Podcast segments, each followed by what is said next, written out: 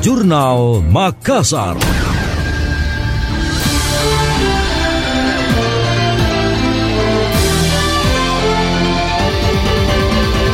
Gubernur Sulawesi Selatan Andi Sudirman Sulaiman meresmikan delapan sarana dan prasarana di Rumah Sakit Khusus Daerah RSKD Dadi Jalan Lanto Daeng Pasewang Makassar.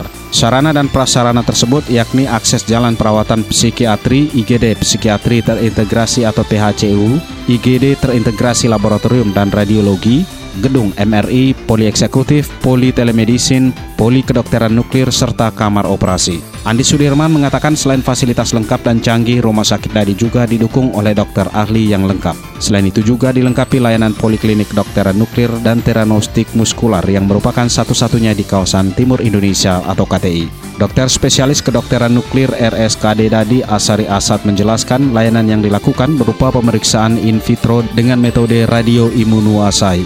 Metode tersebut merupakan pemeriksaan tiroid dengan klasifikasi gold standard. Sementara spesialis radiologi RSKD Dadi Sri Mulyarti menjelaskan fasilitas magnetic resonance imaging atau MRI yang dimiliki dapat melakukan pemeriksaan lengkap, mulai dari kepala hingga tulang belakang, abdomen, tulang-tulang, dan muskuloskeletal. Fasilitas ini juga telah melayani pasien dari luar Dadi. Selain itu, layanan lain yang terdapat di RSKD Dadi adalah adanya poli jantung dengan fasilitas meliputi treadmill test dan USG jantung.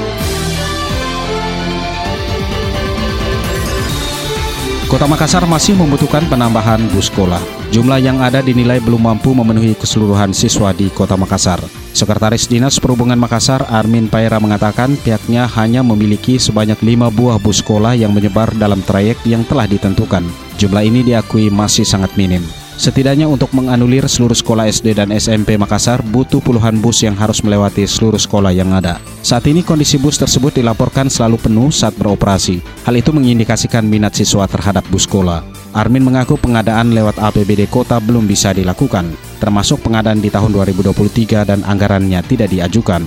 Sementara anggota Komisi D Bidang Kesejahteraan Rakyat DPRD Makassar, Yeni Rahman menilai kebijakan pemerintah untuk melarang siswa membawa sendiri kendaraan memang sudah sangat tepat. Hanya saja dalam setiap kebijakan harus selalu dibarengi dengan solusi. Menurutnya penting untuk pemetaan ulang seluruh jalur-jalur yang ada agar seluruh siswa bisa tercover dengan bus.